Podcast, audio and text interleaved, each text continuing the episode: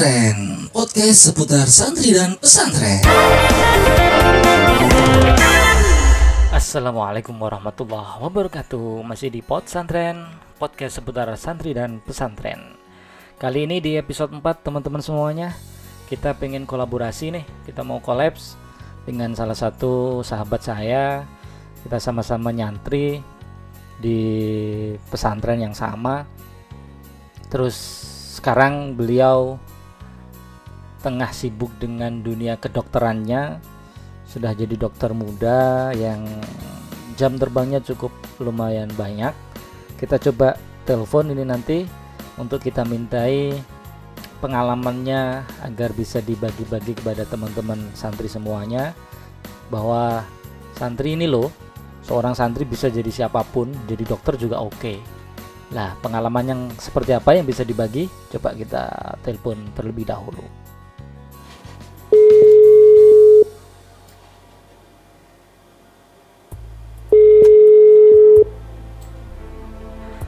Assalamualaikum. Halo, assalamualaikum.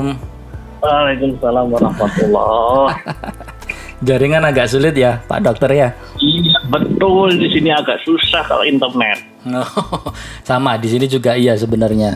Makanya ini nanti kita ngobrolnya agak singkat saja, singkat terlalu lama-lama. Nanti takut ganggu Pak Iya. Dokter juga ini.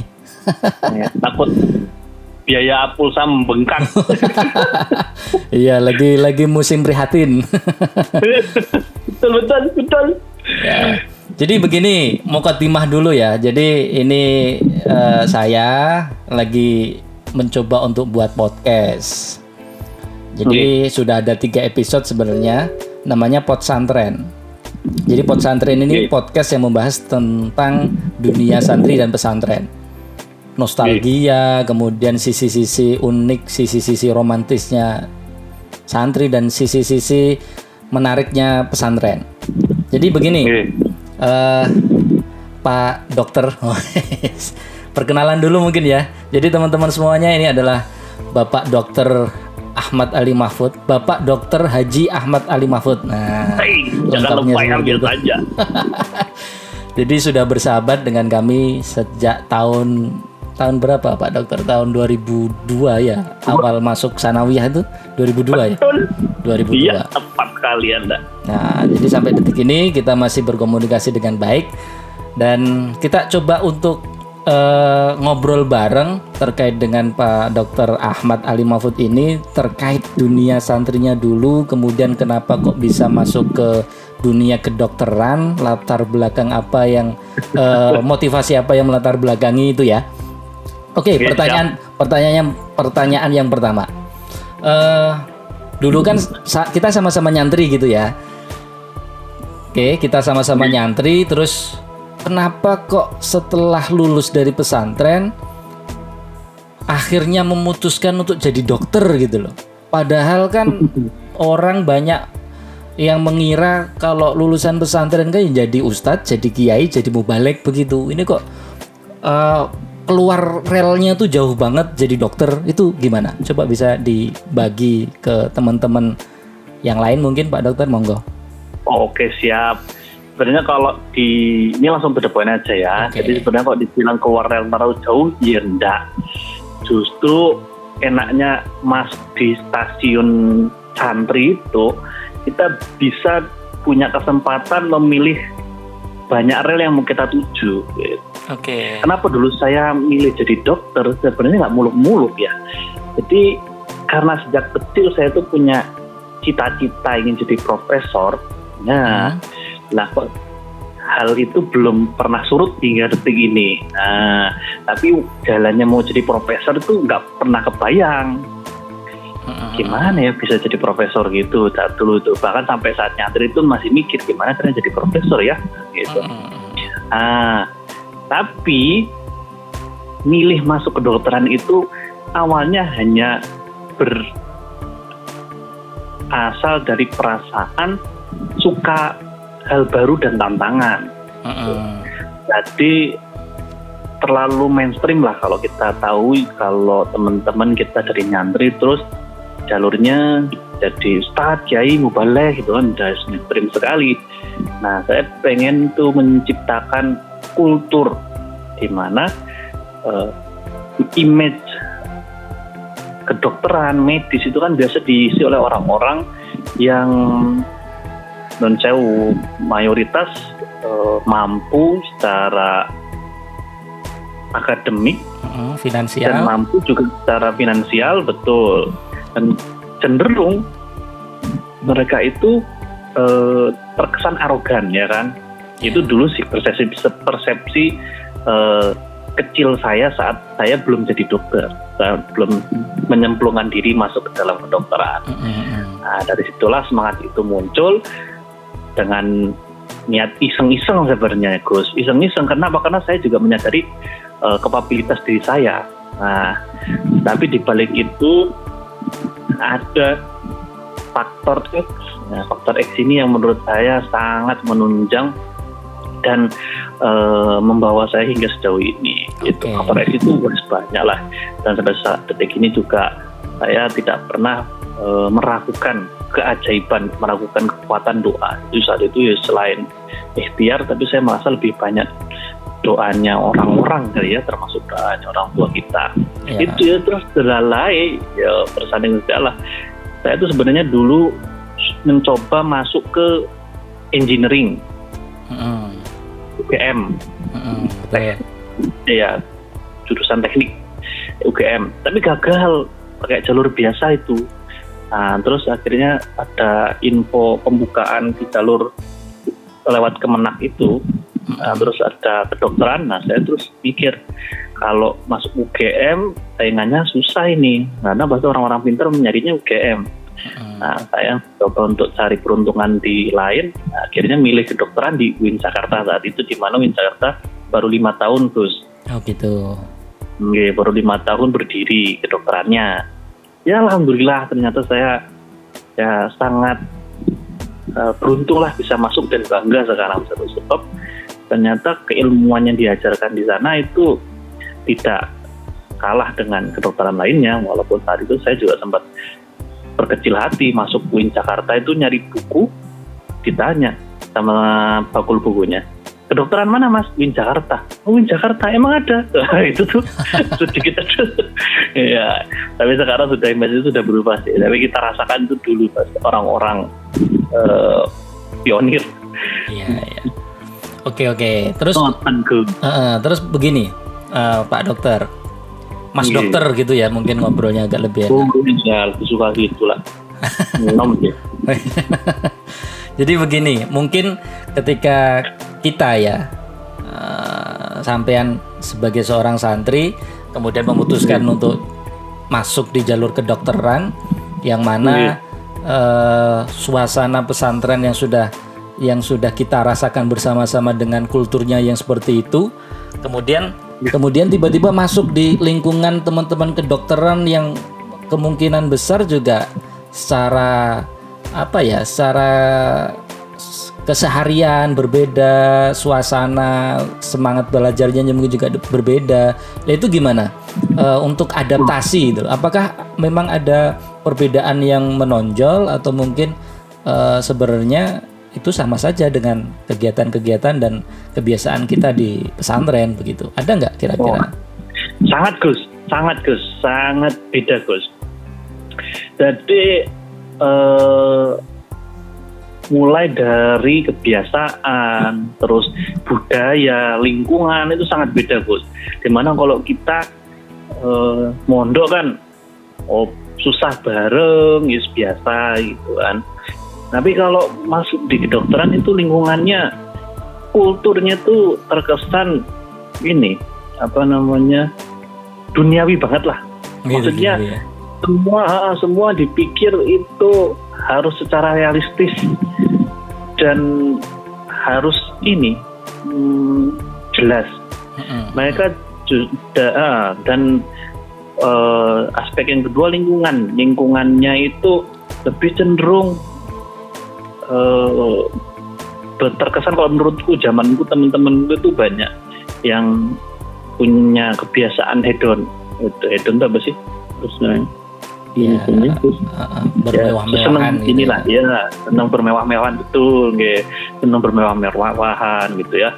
Kayak seolah-olah mereka juga eh, di kedokteran gitu level kedokteran. Jadi pakai barang-barang branded sedangkan kita kan di pesantren tidak pernah ya kan? Mm-mm. apa pokok sarung-sarung pakai pakai bareng. Sarungnya ngepir pakai bareng sen- sendal iya, selen Nah, sabun bareng. Ah, odol join itu nggak anduk aja ya. Itu aduk barengan ya untuk nggak sikat gigi nih. Nah, Cuma memang kalau Nah, dari dari kita kalau berbicara output ya, memang output dari teman-teman kedokteran kan semangatnya sama dengan semangat di pesantren yaitu semangat berbagi sebenarnya ya. Cuma memang dari Iya. karakter karakter teman-teman lingkungan saja mungkin yang ketika berproses menuju ke eh, tujuan dokter gitu mungkin agak berbeda-beda latar belakangnya begitu ya. Oke, nah jadi sama sih sebenarnya Gus, Eh, setuju. Jadi sama sebenarnya mau kita masuk setelah saya mengcross check dengan teman-teman ya, sebenarnya sama Gus kita mau masuk fakultas mana aja gitu, akan ada tantangannya sendiri-sendiri Gus, Mm-mm. gitu. Tapi justru ini nilai positifnya adalah eh, kita ini bisa membawa karakter, bisa membawa apa yang kita peroleh dari pesantren kita untuk bisa mewarnai dunia baru Mm-mm. sama dulu kayak kita berangkat dari Pacitan Gus terus berangkat ke Kerapi. Kan itu kita masuk dunia baru. Iya. di mana kultur baru teman-teman baru lingkungan baru. Nah, itu kan baru juga untuk kita. Apakah kita bisa terbawa dengan lingkungan kita di pondok atau kita yang justru membawa teman-teman untuk bisa klop dengan karakter kita? Itu kan uh, adalah sebuah perjuangan. Dan Mm-mm. itu dan itu nilai plus untuk kita teman santri ya. Karena kita sudah terbiasa dengan berbagai macam jenis orang-orang dan kulturnya yang rupa-rupa. Mm-mm. sehingga kita punya eh, emosional terus kognitif yang lebih tough lah. Tough itu maksudnya ya lebih semangat juang eposnya bagus itu tidak mudah nyerah tidak gampang loro atinan lagi itu penting itu. Ah, iya, betul. Nah itu tidak dimiliki, tidak semua, bukan ti- eh, saya nggak bilang semua nggak memiliki nggak, tapi tidak semua orang dari non pesantren memilikinya, itu Hmm. jarang. Nah itu jadi nilai plus. Dulu tantangannya aku adalah bagaimana bisa mewarnai teman-teman dan jangan aku malah yang terwarnai. Nah, itu cukup berat dan alhamdulillahnya ya ada support, ya, support Hmm. teman-teman yang lain. Gitu. Seperti dulu tantanganku itu masuk awal-awal kuliah gimana caranya berani untuk vokal ya berani Hmm. untuk vokal. Kalau kita nggak berani untuk vokal akhirnya kita yang mau nggak mau harus ngikuti apa mau mereka. Sedangkan kalau mengikuti mau mereka banyak hal-hal yang kadang tidak cocok dengan kita. Sama kan seperti kita di pesantren kalau kita ngikut-ngikut aja ya kadang kita ya jadi pendiam ya Hmm. kurang aktif. Tapi kalau kita terbiasa di pesantren udah aktif banyak menyampaikan ide masukan itu kan akan bentuk lingkungannya jadi positif itu juga sih Gus Oke. Terus gini, pertanyaan berikutnya eh, kita berbicara masalah proses, proses ketika eh, sampean belajar di Fakultas Kedokteran begitu ya. Oke. begini, ketika melihat latar belakang kita sebagai seorang santri, kemudian Yap. dalam satu lingkungan teman-teman itu kan kita termasuk minoritas gitulah ya.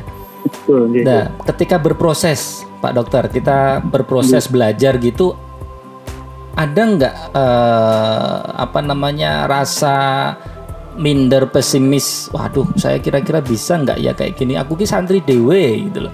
Saya saya santri di antara teman-teman yang memiliki latar belakang berbeda-beda. Kemudian Iya. piye caranya saya memunculkan optimisme kalau saya ini bisa dan nyuwun saya Bu, Iya. ketika dulu beasiswa ya full ya sampean ya. Betul Wah, Oke, Gus. saya masuk kedokteran santri beasiswa lagi begitu kan corokno Oke, Alhamdulillah. eh, apa namanya di lingkungan teman-teman mungkin juga di situ atas biaya sendiri latar belakang tadi Iya. yang disampaikan gaya hidupnya juga hedon dan sebagainya Iya. dalam proses belajar cara menumbuhkan optimisme bahwa aku ki santri aku iso nah itu gimana caranya Oke. Nah, ini nilai positifnya di masuk kedokteran. Yang pertama terkait dengan minder dulu ya. Mm, mm, mm. Nah, dengan minder tidak bisa dipungkiri awal masuk itu pasti ada dan saya rasa hampir semua juga ada nilai apa ada rasa seperti itulah akan muncul ketika kita melihat ada orang lain yang merasa lebih pintar dan itu manusiawi sekali. Nah, jadi menurutku apa yang kita dapat di pondok eh, tempaan ya, tempaan motivasi secara tak langsung.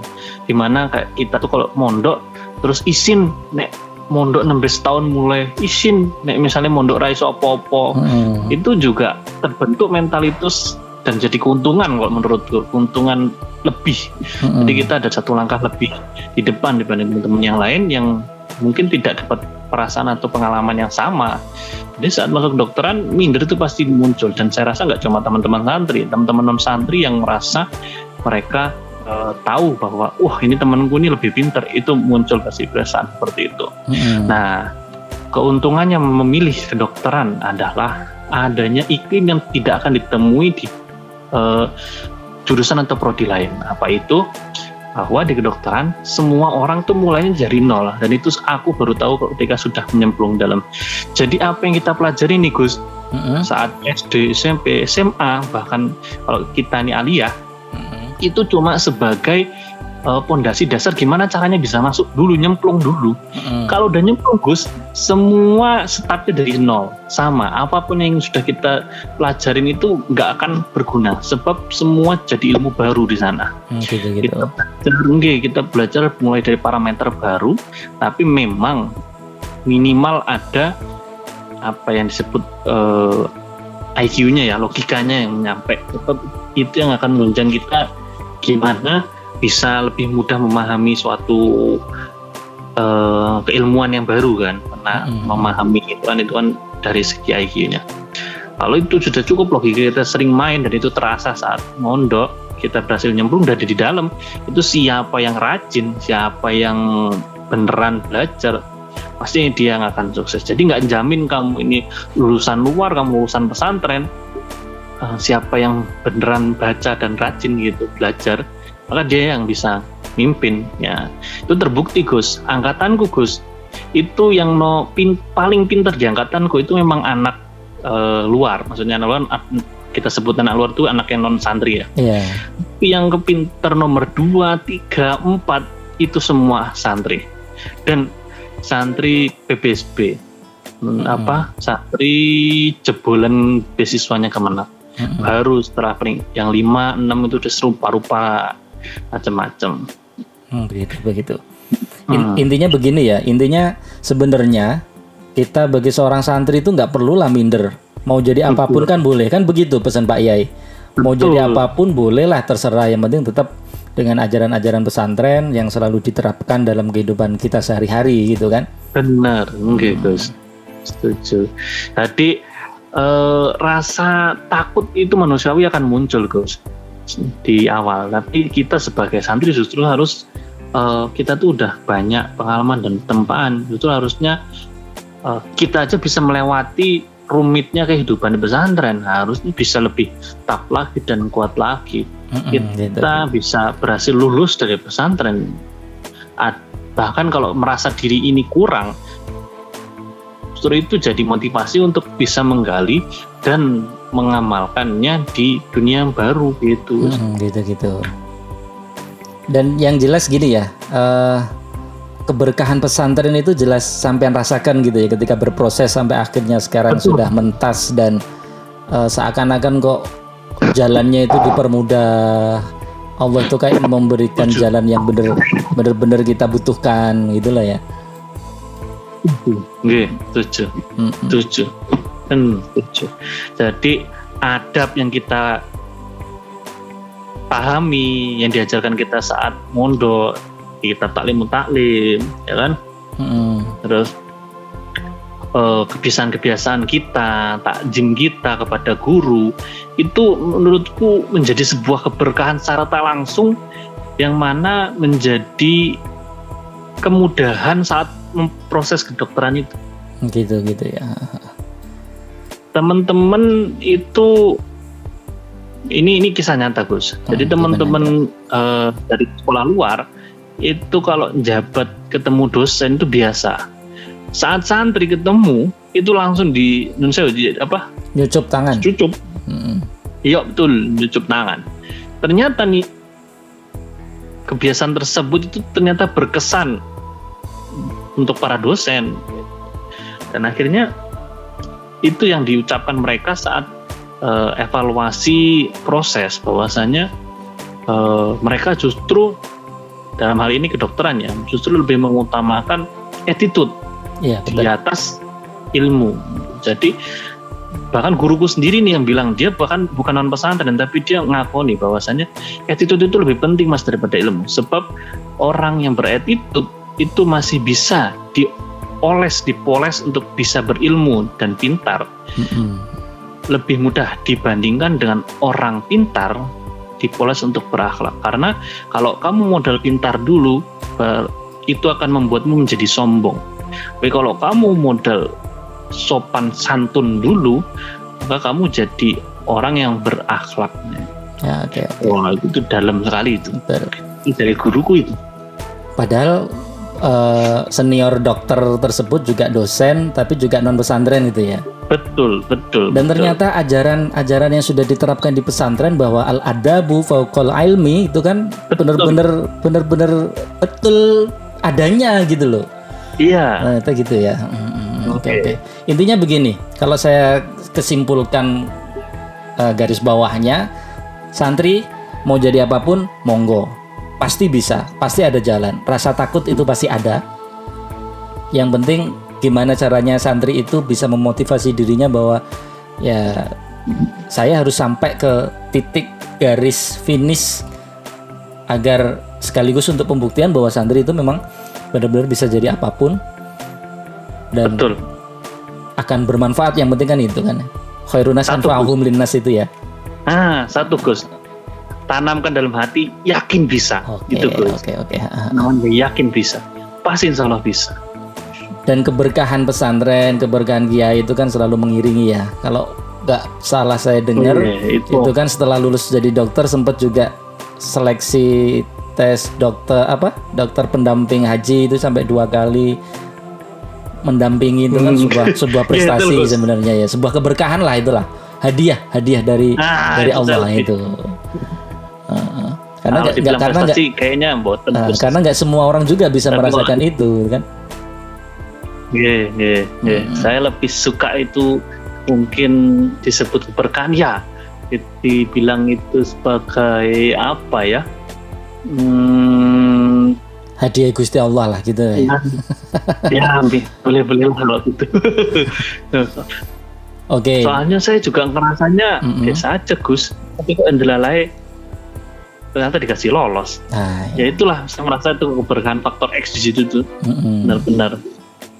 Dan karena memang setelah selesai di program PBSB itu kan memang ada ada ada ketentuan untuk kembali ke pesantren dan benar-benar yeah, itu kan sampean lakukan itu kan karena bentuk bentuk yeah. takdim sampean ke pesantren ini tanggung jawab saya yang saya yeah. yang harus saya selesaikan kan begitu dan mungkin yeah, juga betul, itu betul, karena yeah. faktor keridoannya sampean untuk kembali lagi ke pesantren itu akhirnya diganti itulah mungkin amin amin oke okay.